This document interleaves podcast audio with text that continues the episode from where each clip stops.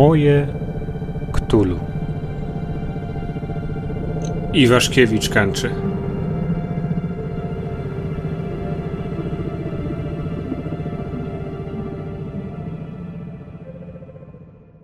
Cześć. Jestem Kacper i witam Was w podcaście Moje Ktulu. Moje Ktulu to podcast dla graczy i strażników tajemnic, którzy chcą poszerzyć i pogłębić wymiar nadnaturalnej grozy na swoich sesjach w Zew Cthulhu RPG dla fanów innych gier fabularnych rozgrywających się w uniwersum grozy Howarda Phillipsa Lovecrafta, dla miłośników gier planszowych i karcianych, które osadzone są w tej rzeczywistości. Dotąd wypowiedziałem te słowa 39 razy, dziś wypowiadam je po raz 40. To okrągła liczba, to dobra okazja, by podziękować wszystkim, którzy do tej pory słuchają tego podcastu, którzy go subskrybują. Można słuchać go na wszystkich platformach podcastowych, takich jak Spotify, SoundCloud, Blueberry, Stitcher, Google Podcasts, iTunes i wielu innych. Możecie oglądać również te odcinki na YouTube albo pobierać jako pliki MP3 ze strony mojektulu.pl. Podcastowi towarzyszy kanał na Twitterze i fanpage na Facebooku, na którym publikuję w miarę regularnie newsy ze świata ktulowego, ciekawostki wydawnicze, drobne inspiracje, a niedługo być może również wspomnienia poprzednich audycji. Domyślacie się zapewne z pamiętnikarskiego tonu wspominającego 39 poprzednich audycji, zapowiadającego audycję 40, że może to być przynajmniej na pewien czas nasze ostatnie spotkanie. Od kilku miesięcy nie było nowych wydań tego podcastu. Tak się niestety stało, dlatego że w tym trudniejszym czasie związanym z pandemią koronawirusa i kryzysem, który z tego wynika, byłem zaabsorbowany przez wiele obowiązków prywatnych i zawodowych i nie miałem kiedy przygotowywać i nagrywać tych audycji. Nie chcę jednak odchodzić bez pożegnania i dlatego postanowiłem nagrać ten 40 odcinek mojego Ktulu, zostawiając Wam mam nadzieję, wartościowy i w miarę kompletny program naszego kolejnego spotkania. Nie mam zamiaru wycofać się oczywiście zupełnie z fandomu i cieszę się, że mogłem dla Was tworzyć przez 40 audycji moje Ktulu. Są trzy projekty, które chciałbym kontynuować i nie wycofywać się z zaangażowania w nie, a które związane są z tym podcastem. Pierwszy z nich to zapowiadany już od dawna scenariusz 1939. Przygoda do Zewu Ktulu rozgrywająca się w Warszawie w pierwszych dniach kampanii wrześniowej, a w zasadzie można powiedzieć bliżej połowy miesiąca. Przygoda pełna zwrotów akcji, dynamicznych wydarzeń, grozy pierwotnej, grozy mitycznej, ciekawych handoutów, przy których e, współpracuje m.in. staroświecka pracownia imć pani Wiewiórskiej i mam nadzieję wielu innych atrakcji, które sprawią, że ten scenariusz będziecie chcieli testować, będziecie chcieli wykorzystać na swoich sesjach. Natomiast niestety stan zaawansowania prac nad nim jest taki, że mm, potrzeba jeszcze co najmniej kilku miesięcy żeby doprowadzić go do mm, fazy testowej. Z góry dziękuję wszystkim testerom, którzy już deklarowali się jako zainteresowani. Drugi projekt, który chciałbym dokończyć w czasie, kiedy nie będę nagrywał audycji mojego Ktulu, no to projekt najpilniejszy, czyli praca nad e, nową pozycją w bibliotece Zgruz, praca nad zbiorem bohaterów niezależnych, wyróżnionych w jednym z konkursów, który organizowałem. Ten projekt zmierza już szczęśliwie do pomyślnego końca, zapewne dlatego, że mój udział w nim jest stosunkowo nieduży. E, Marek i reszta mm, współautorów e, znacznie lepiej niż ja wywiązują się z obowiązków i terminów, także już niebawem będziecie mieli szansę najpierw zobaczyć zapowiedź, a później tę bardzo ciekawą pozycję. No i jest jeszcze trzeci projekt, w który również jestem zaangażowany, ale który można powiedzieć, nie oderwał się jeszcze specjalnie od ziemi. Dobrze byłoby jednak, żeby, żeby on e, również doczekał się realizacji, zwłaszcza, e, że mogę podziękować za deklarację współpracy od bardzo ciekawych i kompetentnych mm, e, członków fandomu ktulowego w Polsce. Będzie to mm, książeczka pod roboczym tytułem Katalog, o której mam nadzieję za jakiś czas będę mógł powiedzieć Wam nieco więcej. Podcast w związku z tym jest zawieszony i być może będę go odświeżał przy okazji kamieni milowych powyższych projektów. Rozważałem jeszcze inną możliwość, którą zasugerował mi Piotrek Gnyb, Toreat. A mianowicie przekształcenia tego indywidualnego projektu w rodzaj redakcji, w której koordynowałbym tylko i niedużym względnie wkładem pracy podtrzymywał życie tego podcastu, który oddałbym Wam wspólnocie temu środowisku chętnych do jego współtworzenia, do produkowania materiałów dźwiękowych, które mogłyby się w nim ukazywać. Kto wie, być może taka właśnie będzie przyszłość mojego Ktulu. Natomiast e, dziś, w czerwcu 2020 roku, nie jestem w stanie takiej decyzji jeszcze podjąć i potrzebuję nieco czasu do namysłu, aby rozważyć, czy to jest w ogóle właściwy kierunek.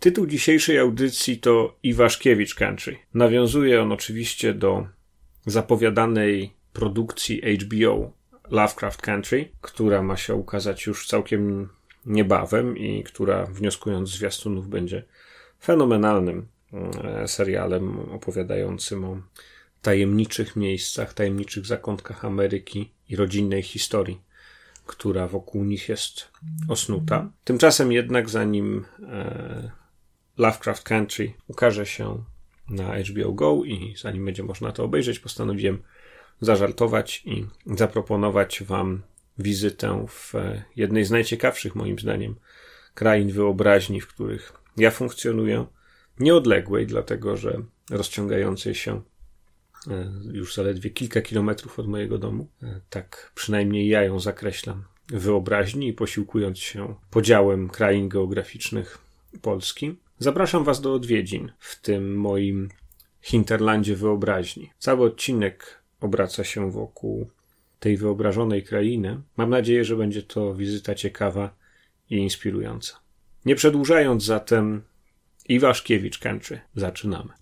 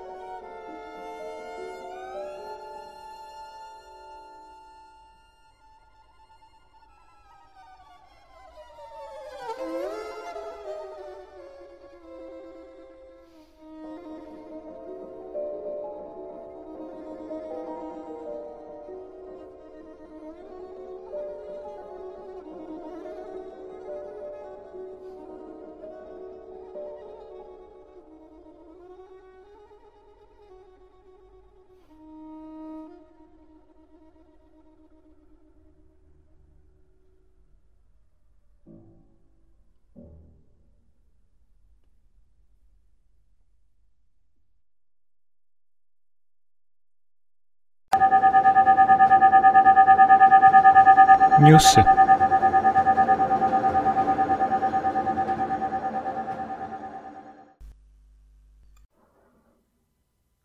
Gdybym chciał przedstawić w tym wydaniu newsów wszystkie nowości i zapowiedzi, które miały miejsce od czasu ostatniego naszego spotkania, to pewnie nagrywałbym bitą godzinę.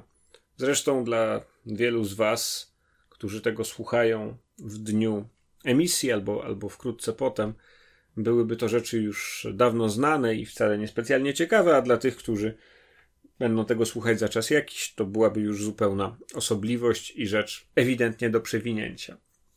Odkąd ostatnio się widzieliśmy, ukazał się podręcznik gracza do siódmej edycji Zewuktulu polskiego wydania. Ukazał się PDF zbioru scenariuszy Wrota Ciemności. Ukazał się także pudełkowy zestaw startowy, jedno z moich ulubionych cacek z bieżącej linii wydawniczej Chaosium. W międzyczasie koronawirus spustoszył nasze plany wyjazdowe i mm, plany spotkań, także chociażby Karkosa Kon na zamku Czocha przełożony został na listopad. Odbędzie się w dniach od 5 do 7 listopada. Nie odbyło się kilka larpów i jak wiecie, mm, zapewne nie odbyło się również kilka waszych własnych sesji, albo musiały one przenieść się do internetu. Mimo tego wybrałem kilka zapowiedzi i informacji o nowościach wydawniczych, którymi chciałbym się z wami podzielić, e, ponieważ jak sądzę, zbliżający się okres wakacyjny może dawać niektórym więcej czasu na to, aby zanurzyć się w jakąś dobrą książkę albo aby przyswoić treści nowego e, projektu wydawniczego lub być może wesprzeć jakiś projekt na Kickstarterze. Jeśli chodzi o literaturę piękną, to mam dwie ciekawe informacje z planów wydawniczych wydawnictwa Vesper, a więc wydawcy znakomitych, kongenialnych przekładów Macieja Płazy, e, dokonanych na materiale Howarda Phillipsa Lovecrafta, tego, tych trzech tomów zawierających w przypadku prozy właśnie przekłady Płazy, w przypadku poezji, czyli tomu Nemezis, przekłady Mateusza Kopacza. Co więc zapowiada nam dzisiaj wydawnictwo Vesper? Jak sądzę, e, co najmniej dwie interesujące pozycje. Pierwsza z nich to Abominacja. Zgodnie z zapowiedzią wydawniczą, ekscytująca, mrożąca krew w żyłach opowieść autora bestsellerowego terroru, Dana Simonsa, która zabiera czytelników na niebezpieczną wyprawę w najwyższe rejony Ziemi, a więc na dach świata w Himalaje. Ten terror, który wymieniony jest w zapowiedzi, może być niektórym z Was znany jako serial na AXN albo jako powieść którą ja akurat czytałem w ubiegłym roku z dużym zainteresowaniem. Powieść dość obszerna, relacjonująca dzieje wyprawy o statków Erebus i Terror, które miały przejść przez przejście północno-zachodnie, Northwest Passage, ale zaginęły tam i zostały odnalezione dopiero bardzo, bardzo niedawno. A kres tej wyprawy i ostateczny los wszystkich jej uczestników, którzy zginęli tam na dalekiej kanadyjskiej północy, nadal częściowo owiany jest tajemnicą. Simmons po sukcesie terroru proponuje nam tutaj zupełnie inne klimaty, ale również może klimaty właściwie są takie same, bo są to również mm, e, klimaty mroźne i niedostępne, tym razem na, na dachu świata, ale zupełnie inną epokę. Ta książka bowiem rozgrywa się w latach dwudziestych, a więc w tym okresie historii, który powinien być dla nas szczególnie interesujący z racji tego, że to klasyczna epoka dla Zewuktulu. Fabuła książki relacjonuje zmagania grupy angielskich spinaczy, którzy w 1924 roku podejmują próbę zdobycia najwyższej góry świata, a ich wysiłki zostają przerwane, kiedy podczas ataku na szczyt ginie dwóch spośród nich. Rok później trzech wspinaczy, brytyjski poeta i weteran Wielkiej Wojny, francuski przewodnik z Chamonix, idealistyczny młody Amerykanin, planując zdobycie Mont Everestu, pozyskują fundusze na wyprawę od pogrążonej w żałobie Lady Bromley, której syn zginął w Himalajach. Mimo oczywistych przesłanek arystokratka nie wierzy w śmierć syna, dlatego głównym zadaniem wyprawy, do której dołącza kuzynka zaginionego wspinacza, staje się odnalezieniem młodego Bromleya. Podczas spinaczki okazuje się, że ktoś lub coś podąża tropem śmiałków, a ich życiu zagraża śmiertelne niebezpieczeństwo. Kto ich ściga? Jaka tajemnica stoi za zaginięciami spinaczy w 24 roku? Bohaterowie ekspedycji poszukiwawczej odkrywają tajemnicę o wiele bardziej przerażającą i odrażającą niż jakiekolwiek mityczne stworzenie. Prawda, że dobra przygrywka dla tych strażników tajemnic, którzy przygotowują się do prowadzenia przygody związanej z koloniami Migo w Himalajach albo z sektą nieśmiertelnych, a więc z kultami Ktulu Chin i środkowej Azji. Wydaje mi się, że ja sam chętnie sięgnę po tę książkę i dlatego polecam wam ją w tym wydaniu newsów. Mamy również jeszcze jeden tom, jeszcze jeden wydany niedawno zbiór opowiadań, idąc za mm, sukcesem zeszłorocznego wydania w miękkiej okładce tylko kilku wybranych opowiadań Lovecrafta pod tytułem Zew Cthulhu. Vesper ponownie publikuje mm, cztery wybrane utwory w Górach Szaleństwa, Cień spoza czasu, Bezimienne Miasto i pod piramidami, mm, wydając to pod wspólnym tytułem w Górach Szaleństwa, co towarzyszy, ma się rozumieć, również wspaniałemu albumowi e, z rysunkami, ilustracjami François Barangera, który podobnie jak w zeszłym roku opowiadanie ze Wktulu w tym roku po polsku wydaje Vesper e, w Górach Szaleństwa, pierwszy tom tego e, planowanego przez francuskiego rysownika cyklu ilustrowanych książek, które zawierają kolejne fragmenty tej mikropowieści Lovecrafta. Jeśli chodzi o nowości wydawnicze, zanim przejdę do informacji związanych z różnego rodzaju elementami oficjalnej linii Zewu a także innych gier fabularnych, o których warto pamiętać, i zanim zrelacjonuję Wam nowości w Miskatonic Repository, chciałbym wspomnieć o fanzinie, który ukazał się całkiem niedawno w limitowanym nakładzie 100 egzemplarzy i który go cały nakład przeznaczony jest na wsparcie celu dobroczynnego, a tytuł tego fanzinu to Kto szepcze w ciemności. Byłem już, kiedy tylko się o nim dowiedziałem, całkowicie zdecydowany, że muszę wejść w posiadanie jednego z tych egzemplarzy, dlatego że na okładce widnieje rysunek e, krakowskiego młodego malarza Rocha Urbaniaka. Nie wchodząc w szczegóły, dlaczego Roch Urbaniak, a właściwie jego twórczość e, mnie interesują i, i fascynują, ponieważ są to opowieści prywatne, a dodam, że nigdyśmy się nie poznali, nigdy się nie spotkaliśmy, nawet nie korespondowaliśmy ze sobą, Muszę powiedzieć, że uważam Rocha Urbaniaka za jednego z ciekawszych młodych malarzy fantastów i ubolewam nad tym, że większość jego prac to miasta w powietrzu, nieprawdopodobne krajobrazy fantastyczne, niezwiązane jednak ściśle z uniwersum Lovecraftowskim, dlatego że okładka tego fanzinu, Kto szepcze w ciemności, jest tak niesamowicie klimatyczna.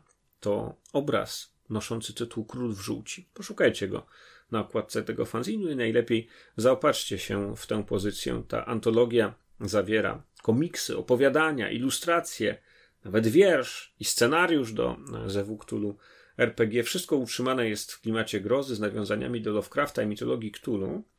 A nawet powiedziałbym, jeżeli poszerzymy nieco ramę Iwaszkiewicz-Kęczy, którą, mm, która jest bohaterką dzisiejszego naszego spotkania, można powiedzieć, że jedno z tych opowiadań, e, stylizowane na e, takie Stranger Things trochę, czy, czy opowieści z pętli, e, rozgrywające się w okolicach Konstancina, a więc na południe Warszawy, a nie na, a nie na zachód, e, również wpisuje się nieco w te mazowieckie klimaty grozy, do których dzisiaj nawiązuję. Wydaje mi się, że w co najmniej jednym miejscu można jeszcze nabyć w internecie fizyczne egzemplarze tego fanzinu i liczę, że nie będzie to ostatnia mm, tego typu publikacja grupy, która stoi za, za tym projektem, bo chociaż jest to produkt absolutnie amatorski pod każdym względem korektorskim, składowym, redakcyjnym, nie, nie ma nawet edytorialu w tym, żadnego wstępniaka w tym, w tym zbiorze. Jest to wydane w sposób nienaganny plastycznie, ale bardzo skromny, jeśli chodzi o nakład pracy redakcyjnej. Trzymam kciuki za tę ekipę, aby powstał kolejny numer, e, który będzie równie ciekawy albo jeszcze lepszy. Co tymczasem, jeśli chodzi o profesjonalne wydawnictwa? Spójrzmy przede wszystkim na plan wydawniczy wydawnictwa Black Monk, więc wydawców siódmej edycji polskiego Zewu. Wiemy już, że lada miesiąc powinniśmy zobaczyć start sprzedaży podręcznika głównego do Pulp Cthulhu. Premiera PDF-a ma nastąpić 25 lipca, a w druku ma się on ukazać we wrześniu. Zobaczymy, na ile zawirowania związane z COVID-em i e, po prostu normalne obsługi, które zdarzają się w e, procesie mm, edytorskim, e, zweryfikują te terminy. Ja chociaż jak już w pierwszej czy drugiej audycji mojego Ktulu zwierzałem wam się, nie jestem wielkim miłośnikiem palpowych klimatów, interesuję się tym i na pewno zaopatrzę się w ten podręcznik po to, aby zrozumieć spróbować przynajmniej zrozumieć, jak to właśnie ten pulp lat 30. czy 40. w stylu Indiana Jonesa i innych e, kinowych e, czy książkowych powieści szmiry fantastycznej, bo tak można byłoby tłumaczyć ten pulp, jak to wszystko powinno po polsku wyglądać. Oczywiście, jak każdy podręcznik podstawowy, Pulp Cthulhu potrzebuje również scenariusza, najlepiej kampanii, E, Black Monk wyda zatem Lodowaty Płomień Duszy, który zapowiedziany jest na wrzesień, a e, w druku ma ukazać się na przełomie października i listopada. Zgodnie z tymi zapowiedziami możemy również w październiku spodziewać się startu sprzedaży masek Niarlatotepa, które to mm, mają wyjść drukiem w pierwszym kwartale 2021 roku. W pierwszej audycji mojego podcastu możecie zapoznać się z moją recenzją. Była to wówczas pierwsza polska recenzja tej kampanii, kiedy ukazała się w nowym wydaniu w języku angielskim. Przyznam, że e, na przestrzeni ostatnich dwóch miesięcy ponownie e, siadłem do lektury głównego grzbietu, głównego tomu tej kampanii po to, żeby odświeżyć sobie pewne rzeczy, a tak naprawdę chciałem ją poprowadzić, ale nie ma na to specjalnie widoków, bo ilość przygotowań potrzebna do tego znacznie przekracza czas, którym dzisiaj dysponuję. No, ale nigdy nie mów nigdy. Mam nadzieję, że jeszcze zdarzy się okazja, żeby te maski Atlasotepa poprowadzić. Kiedy ukażą się po polsku, może to będzie dla mnie odpowiednią, odpowiednią motywacją, a może warto byłoby nagrać e, i jakiegoś rodzaju actual play z tej kampanii. Trudno mi uwierzyć, że mielibyśmy tę kampanię ukończyć. Jest ona bowiem otchłanna, a ja jestem wyjątkowo mało pilnym, co, o czym mogą zaświadczyć różni moi znajomi. Nie gram przecież wcale tak często. E, mimo wszystko jest to coś, na co warto czekać, bo będzie to prawdziwy kamień milowy, kolejny ważny etap rozwoju linii wydawniczej Zewu Cthulhu po Polsce. W 2021 roku wydawnictwo Black Monk zapowiada również publikację pierwszego tomu Posiadłości Szaleństwa, więc zbioru scenariuszy Mansions of Madness, podręcznika berlińskiego i Maleus Monstrorum, czyli Atlasu z potworami. To nie wszystkie zapowiedzi, dlatego że mm, w chwili, kiedy nagrywam tę audycję, mamy też świeżą publikację Kwiat Paproci, zbiór scenariuszy wydany z okazji Nocy Świętojańskiej. E, a także Wrota Ciemności, które ukazują się po polsku drukiem już niebawem, a w PDF-ie już się pojawiły. Wrota Ciemności to z kolei zbiór pięciu scenariuszy przygotowanych specjalnie z myślą o grupach początkujących strażników i badaczy tajemnic, którzy stawiają pierwsze kroki w świecie Zewuktulu. Dlatego poza tymi pięcioma scenariuszami w książce znajduje się także zestaw pregenerowanych badaczy tajemnic oraz dodatkowy autorstwa Kevina Rossa tekst, który zawiera liczne i pomocne sugestie i porady dotyczące prowadzenia sesji w Zewktulu. E, poza tym e, wspomniałem już o Maleus Monstrorum, a więc o 480-stronicowym atlasie potworów i bóstw świata mitów Cthulhu, który miał swoje wcześniejsze wydanie, nie tak obszerne, nie tak bogato ilustrowane kilka lat dobrych, no, dobrych kilka lat temu, a dziś doczekał się reedycji Chaosium z rysunkami Loika Musiego, który, którego kojarzycie mm, zapewne z niektórych okładek e, książek wydawanych przez Chaosium. Tym razem wydawnictwo zdecydowało się podzielić na dwa tomy e, tę pozycję. Jest ona już do kupienia w wersji PDF-owej. Recenzje, które do nas docierają, są dość mieszane. E, Nie wiem, ja sam do tego nie zaglądałem. Wszystko, co mogę Wam powiedzieć, tylko tyle, że możecie dziś tego PDF-a kupić za niecałe 40 dolarów, a kiedy ukaże się książka drukiem, odliczyć koszt tego PDF-a od zakupu książki drukowanej. Z y, ważnych nowości z Chaosium na pewno y, istotnym wydarzeniem jest publikacja Harlem Unbound, drugiego wydania. Była to mm, książka, która sporo mm, dobrego zrobiła w świecie RPGowym. E, jej autor Chris Spivey mm, otrzymał za nią nagrodę Ennis.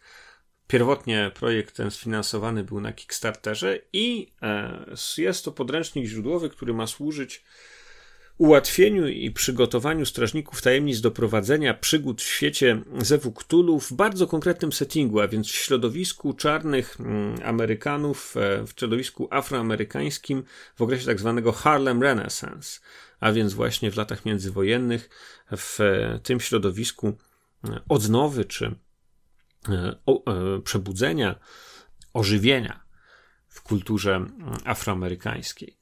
Książka ta zrobiła wiele dobrego, na pewno jeśli chodzi o demitologizowanie i odkłamywanie pewnych wątków rasowych, które w Zewie Cthulhu pokutowały, może nie tyle z czasów Lovecrafta, bo od tamtych czasów zmieniło się bardzo wiele, ale od lat 80. i 90., kiedy ta perspektywa rasowa nie była specjalnie reprezentowana w świecie RPGowym. Cieszę się, że to ukazało się drukiem i mam zamiar chętnie się w to zaopatrzyć. E, przyznam też, że oczywiście moment na to jest wyjątkowy, dlatego że niedawne zamieszki w Stanach Zjednoczonych związane z protestami przeciwko brutalności policji dyskryminującej e, czarną ludność amerykańską stanowią też pewnego rodzaju niesamowity kontekst dla, dla tej edycji. E, poza e, Zewem Cthulhu mamy również zapowiedź polskiego wydania gry Kult Divinity Lost, Kult Boskość Utracona. Na taki tytuł, zdaje się, zdecydowali się wydawcy tego polskiego tłumaczenia. Ja tam już proponowałem pierwszego dnia, kiedy, kiedy padła taka informacja, żeby przetłumaczyć to jako bóstwo utracone, no ale rozumiem, że to są pewne niuanse, które, które niekoniecznie mogą wszystkich przekonywać i dlatego też nie ubolewam, tylko cieszę się po prostu, że ta wspaniała, nowoczesna, starannie wydana gra, bardzo ciekawa, oparta na mechanice Apocalypse World, e, która, mm, której recenzję i całą audycję jej poświęconą możecie znaleźć w archiwach tego podcastu, podobnie jak e, audycję poświęconą kampanii The Black Madonna. E, cieszę się, że ona ukaże się po polsku. Jest to świadectwem tego, że rzeczywiście wydawcy widzą Was, w społeczności RPGowej, nie tylko rynek, ale e, również e, rzeszę entuzjastów, którzy będą wspierać tego typu projekty. Ja na pewno będę to robił.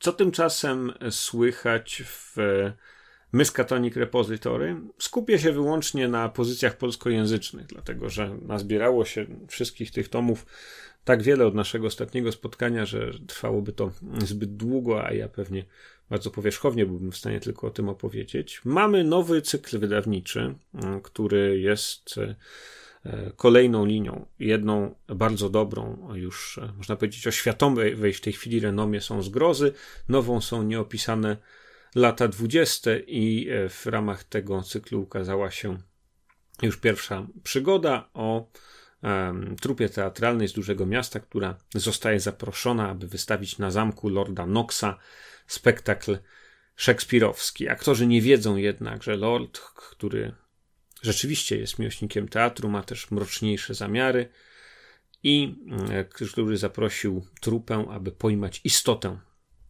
prześladującą jego, jego domostwo i dołączyć ją do swojej kolekcji niesamowitości. No jest to już w zasadzie na wpół zespoilowane na podstawie tego opisu z Miskatonic Repository, ale jak kiedyś to przeczytam, to, to zobaczymy na ile jeszcze tam się mieszczą jakieś niespodzianki. Mamy także w Miskatonic Repository polskie tłumaczenie e, podręcznika samotnego badacza, a więc mechaniki, która umożliwia konwertowanie scenariuszy do Zewu Cthulhu, a przede wszystkim po prostu granie w Zew Cthulhu w pojedynkę. Nie jest to nic nowego, moglibyście powiedzieć, dlatego że przecież po polsku ukazało się Samotnie przeciwko ciemności. Tyle było innych projektów, takich jak Samotnie przeciwko ciemności Wendigo, mm, czy e, Samotnie przeciwko płomieniom, Alone Against the Flames. Jednak e, ta pozycja mm, fanowska ma mm, tę zaletę, że jest ona pewnego rodzaju uniwersalnym podejściem do tematu, e, które w zamyśle ma przydać się każdemu strażnikowi tajemnic do generowania pomysłów na przygody, ale też każdemu, kto nie ma akurat grupy albo chciałby przeżyć intymnie, indywidualnie e, te przygody w światach grozy Lovecraftowskich, a więc by przy pomocy kartki papieru, kości i, i zasad tam stworzyć scenariusze bez konieczności spotkania ze strażnikiem tajemnic. E, jest tam, e, zdaje się, są tam, są tam dziesiątki pomysłów na przygody, pogłosek, wskazówek, losowych zdarzeń, które losuje się z tabel i w ogóle dużo, dużo mm, tabel różnego rodzaju, które pozwalają losowo generować elementy fabuły, w których się w których się te przygody mają rozgrywać. I jeszcze jeden news, tym razem nadesłany przez ekipę Arkham Radio. Możecie ich znać zarówno z projektu Kickstarterowego, jak i ze mm, wzmianek na moim podcaście. Byli m.in. fundatorami nagród w ostatnim konkursie. Dziś zapraszają Was do współtworzenia słuchowisk. Jeżeli piszecie do szuflady literaturę grozy albo chcecie spróbować swoich sił jako lektorzy, zapraszają do współpracy przy tworzeniu właśnie słuchowisk mm, horrorowych. Ukazał się pierwszy odcinek tego nowego przedsięwzięcia, Tajemnica Świętego Idesbalda. Link znajdziecie na stronie mojego podcastu. Słuchowisko dostępne jest już na YouTubie. Tyle na dziś, jeśli chodzi o newsy. Na pewno nie wyczerpałem listy, nie opowiedziałem o wielu innych Ci, którzy czują się urażeni lub zniesmaczeni, mogą przyjąć tylko moje przeprosiny i mam nadzieję, że mi wybaczą.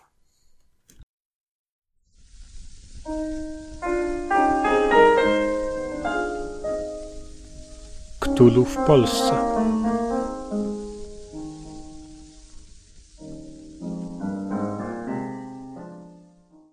Gdzie leży Iwaszkiewicz Country?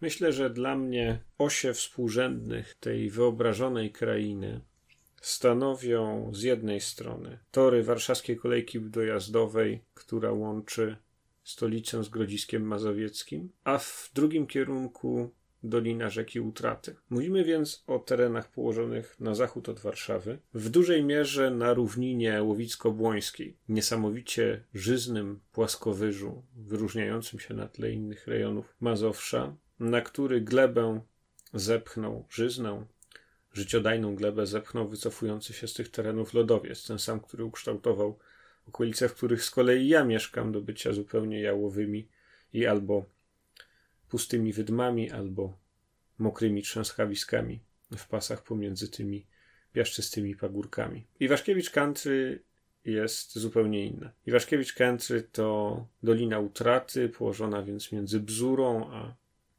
Nadarzynem, mniej więcej rozciągająca się od Sochaczewa do Nadarzyna, ale w wyobraźni może ona sięgać dowolnie daleko w Polskę. To rejon, który jest bogaty społecznie, gęsto zaludniony, ale jednak obfitujący w różnego rodzaju zapomniane, zapomniane zakamarki, doliny, zagajniki, ruiny, opuszczone domostwa, stare szpitale, stare budynki użyteczności publicznej, które już żadnej użyteczności ze sobą nie niosą. Ten rejon Polski rozwijał się bardzo dynamicznie już od grubo ponad 100 lat, bowiem budowa kolei warszawsko-wiedeńskiej przełożyła się na tak zwaną eksurbanizację, czyli rozlewanie się Warszawy wzdłuż tej linii kolejowej.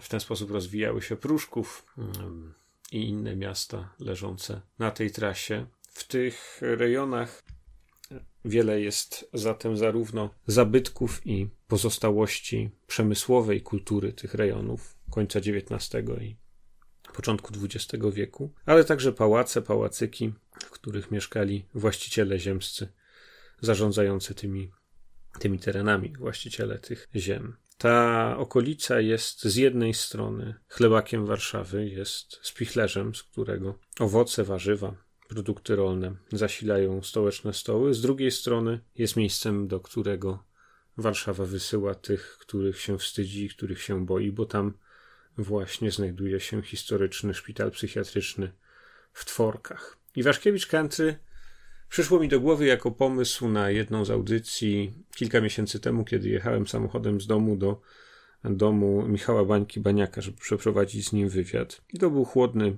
grudniowy dzień, a trasa była mi dobrze znana. Przebywałem ją wiele razy, podróżując z Izabelińskiej Puszczy Kampinoskiej w stronę Pruszkowa, Brwinowa, Komorowa, Piastowa, Pęcic, tych miejscowości, które leżą właśnie wzdłuż e, linii kolejowej, kolei warszawsko-wiedeńskiej i wzdłuż linii WKD do Podkowy Leśnej, do Milanówka, do Grodziska. Jechałem tamtędy i myślałem sobie właśnie, chociaż nadzieja ta, jej skrzydła zostały brutalnie podcięte chyba w pierwszej mm, minucie rozmowy, mm, której możecie wysłuchać w grudniowym wydaniu tego podcastu, że te tereny, mogą stanowić coś w rodzaju wyobrażonego analogu do rzecza rzeki Miskatonic w Nowej Anglii, że dla mojej wyobraźni one mogą być właśnie czymś takim nieodległym od wysokiej kultury i dynamizmu Bostonu, czy wręcz wielkich miast wschodniego wybrzeża, a z drugiej strony w tak niedużej odległości na wyciągnięcie ręki mogą skrywać tajemnice, mogą tętnić misteriami, życiem, historią, zapomnianymi jej wątkami, legendami, dramatami indywidualnych osób i okrutną historią, że to wszystko w miejscu, które nie jest przecież słynne, nie przyciąga turystów, nie jest e, wyjątkowe w swoim dziedzictwie kulturowym, ani materialnym, ani, ani niematerialnym, bo leży pomiędzy z jednej strony Łowiczem, który jest bijącym sercem kultury ludowej, a Warszawą, która jest stolicą i głównym ośrodkiem kulturalnym kraju, może wydawać się pustą przestrzenią pomiędzy jednym a drugim, e, to pomimo tego mieszkają tam przecież dziesiątki, jeśli nie setki tysięcy ludzi, którzy rozproszeni w tych wszystkich małych miejscowościach, miasteczkach, wsiach, również mogą mieć swoje tajemnice. A bliskość geograficzna tego rejonu sprawia, że łatwo się tam wybrać. Jednak wszystkie te względy nie miałyby większego znaczenia, gdyby nie pewien szczególny klimat, pewna elegijna mgła, która unosi się nad Iwaszkiewicz Country za sprawą imiennika tej krainy, Jarosława Iwaszkiewicza, polskiego pisarza, jednego z najbardziej znanych polskich pisarzy XX wieku, który w tamtych rejonach przeżył większość swojego życia od lat 30., kiedy sprowadził się tam do Podkowy Leśnej ze swoją żoną Anną Iwaszkiewicz, a potem w, e, od 28 roku zamieszkiwał z nią w Podkowie Leśnej w posiadłości Stawisko. Stawisko jest właśnie jednym z takich miejsc. E, stawisko i znajdujący się po przeciwnej stronie drogi, również otoczony sporą posiadłością szpital w Turczynku, a w zasadzie kompleks willi w Turczynku, który później stał się szpitalem e, gruźliczym i z którym związane są również liczne wątki w twórczości Iwaszkiewicza. Te dwa miejsca mm, są jednym z wielu takich łatwych do odkrycia, ale sugerujących istnienie innych ciekawych, tajemniczych miejsc w tym rejonie, w Dolinie Rzeki Utraty, e, które e, odwiedzałem nieraz i w których też poszukiwałem różnego rodzaju literackich inspiracji, tak samo jak w twórczości Eleutera, bo takim pseudonimem posługiwał się w pewnym okresie Jarosław Iwaszkiewicz. Czy cmentarz w Brwinowie jest jednym z najpiękniejszych cmentarzy w Polsce, tam gdzie pochowany jest Iwaszkiewicz? Wydaje mi się, że z pewnością nie może konkurować z cmentarzem na Pęksowym Brzysku czy z cmentarzem w Laskach, ale tam, gdzie pochowany jest Jarosław Iwaszkiewicz wraz ze swoją żoną, to ta nekropolia również może budzić wyobraźnię i i na pewno nie ma w sobie niczego szpetnego. Iwaszkiewicz Kętry leży więc w Dolinie Rzeki Utraty. Już sama ta nazwa może być inspirująca do tworzenia scenariuszy i wątków w waszych przygodach w Zewie.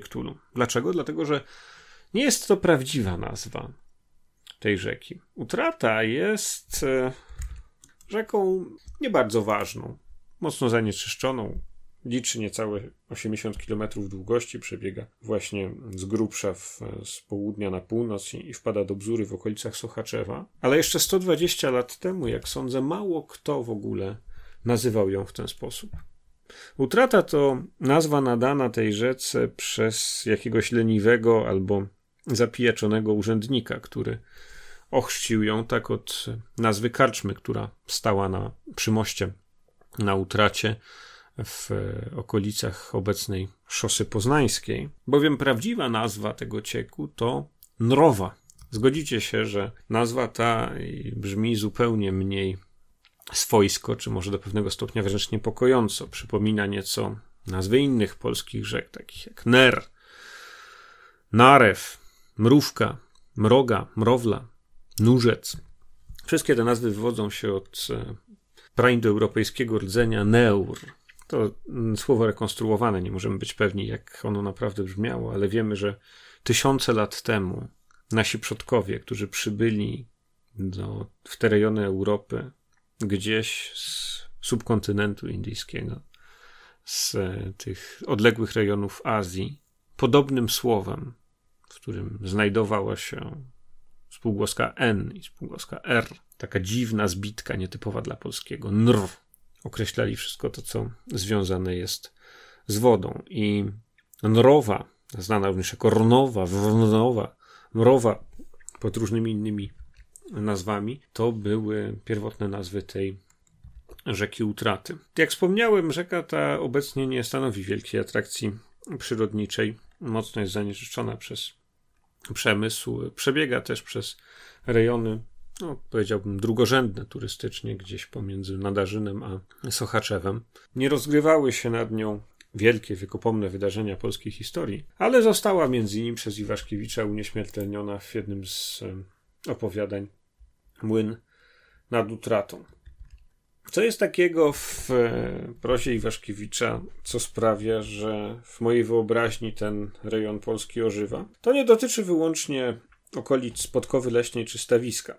Tak naprawdę dotyczy to bardzo wielu zakątków Polski, opisywanych w stylu reporterskim czy, czy wspominkowym, ale również opisywanych w e, dziełach beletystycznych Iwaszkiewicza. Jest to pewien e, szczególny sposób uchwycenia charakteru tych miejsc, takich jak Sandomierz, takich jak właśnie Dolina Utraty, takich jak wiele innych zlepionych być może z nieznanych miejsc albo w dużej mierze wyobrażonych e, scenografii czy planów, na których rozgrywają się Werszkiewiczowskie opowiadania. Miejsca takie jak Brzezina z opowiadania, miejsca takie jak Wilko, z którego wywodzą się bohaterki jako z jednego z najpiękniejszych jego opowiadań, Panien z Wilka i wiele, wiele innych um, toponimów, wiele, wiele innych rejonów, w których osadza on hi- e, historię swoich, swoich postaci, łączą pewne cechy wspólne. Tymi cechami wspólnymi jest y, zawsze silne piętno kulturowe, które odciska się w danym miejscu. Jeżeli jest młyn, to wiążą się z nim jakieś historie sentymentalne, historie rodzinne. Jeżeli jest to dwór, to w tym dworze pokolenia kolejnych jego mieszkańców albo degenerują się, albo próbują w jakiś sposób się zmienić. Dynamizm wpisany jest w te krajobrazy za pośrednictwem tego, co robią ludzie, a z drugiej strony, i tutaj wyczuwamy pewien powiew melancholii czy żalu z rodzinnych stron Iwaszkiewicza, a więc, a więc z Ukrainy, pewnego rodzaju przekonanie o tym, że procesy, które następują dookoła nas, że zdarzenia, że przeznaczenie, że przede wszystkim bezlitosny upływ czasu są jednak potężniejsze niż te wszystkie indywidualne próby wykuwania swojego losu albo indywidualne próby poszukiwania szczęścia. I że szeroki krajobraz, taki jak płaskiej równiny łowicko-błońskiej, albo taki jak rodzimych rejonów ukraińskich i Waszkiewicza, albo taki jak wielu innych polskich krajobrazów, mało dramatycznych, dość leniwych, w pewnym sensie wygładza, upraszcza przebieg tego dramatycznego kardiogramu ludzkich uczuć, czyni je mało istotnymi w kontekście nieubłagania upływającego czasu, pokazuje ich podatność na przemijanie, ich kruchość, kruchość poszukiwań szczęścia, błahość prób jego poszukiwania wobec żalu i nieszczęścia, które zdają się być losem wszystkich, pewnego rodzaju rezygnacji, która jak wiatr przetacza się nad tymi krainami, unieważniając wysiłki i uczucia tych, którzy je zamieszkują. Iwaszkiewicz Country to także stawisko. Luksusowy, jak na późne lata dwudzieste, dom Iwaszkiewiczów, obecnie Muzeum Literatury noszący imię swoich właścicieli, a więc Anny Jarosława Iwaszkiewiczów. Ciekawego małżeństwa. Małżeństwa ludzi o wielkiej wrażliwości, o poszukiwaniu artystycznego sensu życia. Ludzi z drugiej strony zagubionych, żyjących gdzieś pomiędzy realnymi, szczerymi światami swojego wnętrza, a różnego rodzaju zewnętrznymi pozorami i konwencjami. Anna i Jarosław Iwaszkiewiczowie oboje byli biseksualistami, każde z nich w ramach konwencji kulturowych, które regulowały sposoby realizowania tej uczuciowej, seksualnej sfery życia, nieheteronormatywnej w owych czasach, musieli odgrywać zupełnie inne role. Częściowo nienawidząc siebie za hipokryzję, za obłudę, za prowadzenie podwójnego życia, uciekając czy to w sztukę, czy to w dewocję, fanatyczną religijność. Tworząc środowisko życia rodzinnego, które choć jest dla wielu obiektem westchnień i wielkiego sentymentu jako prawdziwe gniazdo rodzinne tam właśnie na stawisku, to wiemy przecież, że nie było szczęśliwe, nie było wcale harmonijne i nie stanowiło dobrego środowiska do rozwoju ich córek i wielu dziesiątków ludzi, którzy przewijali się przez stawisko zarówno w okresie okupacji, w okresie przedwojennym, jak i przez dalsze długie życie Iwaszkiewicza, który, który zmarł dopiero w roku 80. Stawisko jest więc z jednej strony luksusową rezydencją ludzi, którzy nie musieli martwić się o pieniądze na żadnym etapie swojego długiego małżeńskiego pożycia. Z jednej strony bowiem konsumowali zasoby rodziny Anny Iwaszkiewicz, a więc zasoby rodziny Lilipopów. Z drugiej strony w okresie okupacji sprzedawali e, działki w parcelowanej wówczas Podkowie Leśnej, umożliwiając bardzo komfortowe, jak na okupacyjne warunki życie i niesienie pomocy wielu, którzy tego potrzebowali, zarówno Żydom, przecież oboje i Iwaszkiewicz i jego żona zostali nagrodzeni Nagrodą Sprawiedliwych wśród Narodów Świata, jak i, jak i licznym literatom, e, młodym poetom, czy zwyczajnym ludziom, którzy potrzebowali tej pomocy. A po wojnie długi okres życia Iwaszkiewicza, który jako prezes Związku Literatów Polskich i jako, można powiedzieć, prominentna postać kultury PRL-u również niczego mm, nie musiał sobie odmawiać i, i, i, niczego mu nie żałowano. W jednym miejscu jego dzienników wspominał on o tym, że nie jest pewien, co stało się z dwoma samochodami marki Warszawa, które miał gdzieś, gdzieś mu zniknęły z gospodarstwa i dopiero po jakimś czasie zdał sobie sprawę z tego, że, że ich nie ma albo że one są w jakiś sposób nieczynne czy, czy, czy rozmontowane. To wszystko sprawia, że na myśl przychodzą mi bohaterowie wielu opowiadań grozy, nie tylko Lovecraftowskich, ale, ale też innych twórców.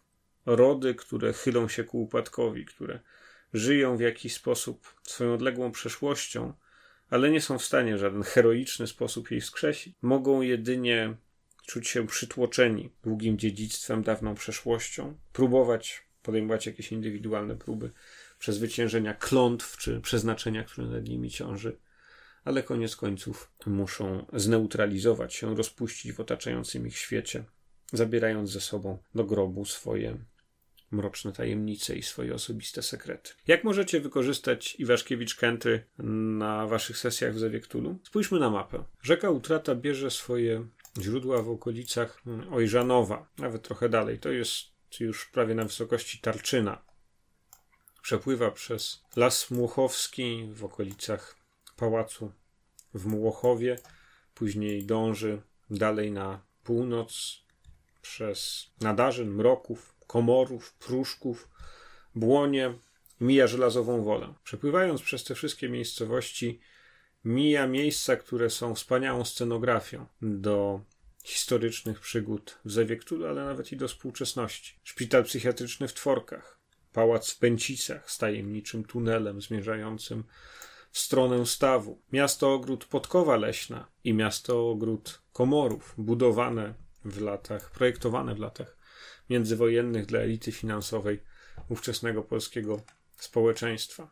Muzeum Iwaszkiewiczów, o którym już wspomniałem, a więc ich posiadłość stawisko, a po drugiej stronie płotu szpital gruźliczy w willach w Turczynku. Park Potulicki w Pruszkowie, dalej w Osieku, pałac, żelazową wolę, a więc dworek, w którym urodził się Fryderyk Chopin i dalej, dalej biegnie, aby wpaść jako dopływ bzury i zasilić tę kolejną mazowiecką historyczną rzekę. Spójrzcie czasem na mapy i podążajcie nie podziałem politycznym, podążajcie nie drogami, które wybudowali ludzie, ale spróbujcie pójść za nimi palcem śladem rzek, śladem wododziałów, śladem dolin i krain geograficznych. Mapy przedstawiają bowiem w pewnym sensie nieludzki sposób obcowania z krajobrazem. Nie poruszamy się przecież zwykle po linii prostej pomiędzy północą a południem albo wschodem i zachodem i nie widzimy nigdy, chyba że z pokładu samolotu albo śmigłowca, powierzchni Ziemi w taki sposób, w jaki oddana jest na dwuwymiarowej mapie. Ale na mapie właśnie łatwiej niż z okna samochodu albo autobusu możemy dostrzec miejsca, w których historia odcisnęła jakieś piętno i w których znajdują się być może opowieści do opowiedzenia. Kościoły, pałace, cmentarze. Wspomniałem już co nieco o cmentarzu w Brwinowie, o cmentarzu w Laskach, ale chciałem to spotkanie Ktulu w Polsce zakończyć nawiązaniem do cmentarza wyobrażonego, do cmentarza, który nigdy nie istniał. Opisanego przez Iwaszkiewicza w książce Pasje Błędomierskie. Sama ta książka jest e, zresztą godna polecenia. Nieco archaiczna z perspektywy prozatorskiej dzisiaj, ale może e, stanowić ciekawe źródło inspiracji do waszych ktulowych mm, scenariuszy. Opisuje bowiem kilka planów fabularnych i dosyć wiernie, w ciekawy sposób oddaje życie społeczne Polski lat międzywojennych. Tym wątkiem, który mnie jednak w tej książce interesuje, chociaż ona w ogóle kipi od ciekawych motywów, bo mamy tutaj na przykład motyw inscenizacji misterium wielkanocnego, które to jako inscenizacja, jako przedsięwzięcie komercyjne próbuje zorganizować jeden z bohaterów tej książki, inspirując się właśnie takimi kalwaryjskimi e, przedstawieniami, takim spektaklem w niemieckim Oberammergau. Oczywiście to wszystko kończy zupełną klęską. E, mamy tutaj postać wielkiego pisarza Zamojły, który jest w ogóle noblistą, jest, jest wielką postacią i może zainspirować niejednego bohatera niezależnego na waszych sesjach, ale mamy też co ciekawe, wątek młodego poety, który przemieszczając się w okolicach tytułowego Błędomierza, gdzie jest Błędomierz? Kojarzy się trochę z Sandomierzem albo z Kazimierzem, ale ja go widzę właśnie oczami wyobraźni gdzieś bliżej, w jakimś takim wyobrażonym Iwaszkiewicz country. E, tenże, tenże bohater, który jest poetą, trafia na cmentarz Błędomierzu i zainspirowany zarośniętymi przez konwalię mogiłami ludzi, którzy tam są pochowani, postanawia napisać antologię wierszy. Cykl składający się właśnie z takich poetycko wyobrażonych epitafiów, napisów nagrobnych opowiadających historię życia ludzi, którzy tam leżą. Iwaszkiewicz przyznaje się w przypisie już na tej stronie do tego, że pomysł nie jest oryginalny, że zaczerpnął go z e, bardzo popularnej w owych czasach i bardzo znanej po dziś dzień antologii amerykańskiego pisarza Edgara Lee Mastersa, noszącej tytuł Spoon River Anthology w polskich przekładach, a było ich już kilka, e, umarli ze Spoon River. To motyw bardzo oryginalny i, i jak sądzę, również nośny w światach królowych. Motyw cmentarza, na którym nagrobki opowiadają nie wyłącznie suchy, faktograficzny przebieg życia mieszkańców tych grobów, podając ich daty urodzenia i daty zgonu oraz imiona, nazwiska czy jakieś jedno słowo pożegnania lub prośbę o modlitwę, ale zawierają krótkie, wierszowane, związane poetycko słowa wspominające albo sposób, w jaki odeszli, zmarli, albo ich przesłania dla tych, którzy po nich pozostali. Cały więc cmentarzyk wypełniony takimi mówiącymi mogiłami. To ciekawy motyw. Zainspirował przecież nie tylko Iwaszkiewicza w pasjach błędomierskich, ale także Nicka Cave'a w e, słynnym, myślę każdemu dobrze znanym albumie Murder Ballads, który składa się właśnie, teksty tych piosenek są, są oparte na podobnym koncepcie do umarłych ze Spoon River, czy, czy do tej e, antologii opisanej w e, pasjach błędomierskich Iwaszkiewicza. Jest to bowiem rodzaj cmentarza mówiącego, na którym nagrobki opowiadają ballady o swoich mieszkańcach. W wypadku Nika Cave'a wszystkich prawie, mm, którzy odeszli w brutalny sposób, padli ofiarami zabójstw, przemocy. I ten cmentarzyk z albumu Cave'a jest jeszcze tym bardziej mroczny.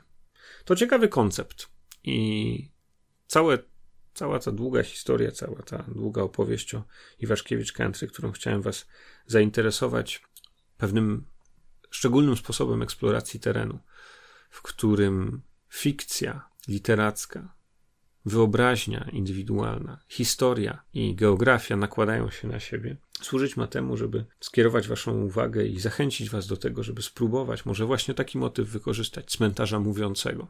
Łatwo jest tutaj popaść w banał czy w kicz, ale przecież wierzę w Was. Jestem przekonany, że zrobicie to umiejętnie i będziecie mogli cieszyć się tym na sesjach. Zachęcam. W końcu każdy z Was przez jakiegoś pisarza, jakąś postać z historii swojego regionu, jakieś miejsca na mapie związane z dzieciństwem, z wakacjami, możecie zbudować swoje własne intymne country, swój mały świat, Lovecraft country, Iwaszkiewicz country, jakieś twoje własne country, miejsce w Polsce, miejsce na mapie, miejsce w wyobraźni, a potem na sesji.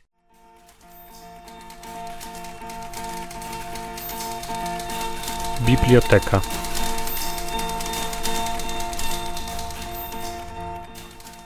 I to już wszystko w dzisiejszym wydaniu podcastu Moje Ktulu. Żegnamy się. Na długo, choć mam nadzieję nie na zawsze. Pozdrawiam Was z ostępów izabelińskiej puszczy. Dobranoc, kwiatki niebieskie. Dobranoc, zorzo różowa. Dobranoc, ptaszki za oknem. Dobranoc, różo kwitnąca. Dobranoc, ciszo wieczorna, w której ton jeden się chowa. Dobranoc, ciało gorące. Dobranoc, duszo stygnąca. Żegnajcie sen i kochanie. Żegnaj obłoku biały. Żegnaj nocne cierpienie. Dobranoc, rzeźwy poranku. Dobranoc, piesku kochany. Dobranoc, świecie cały.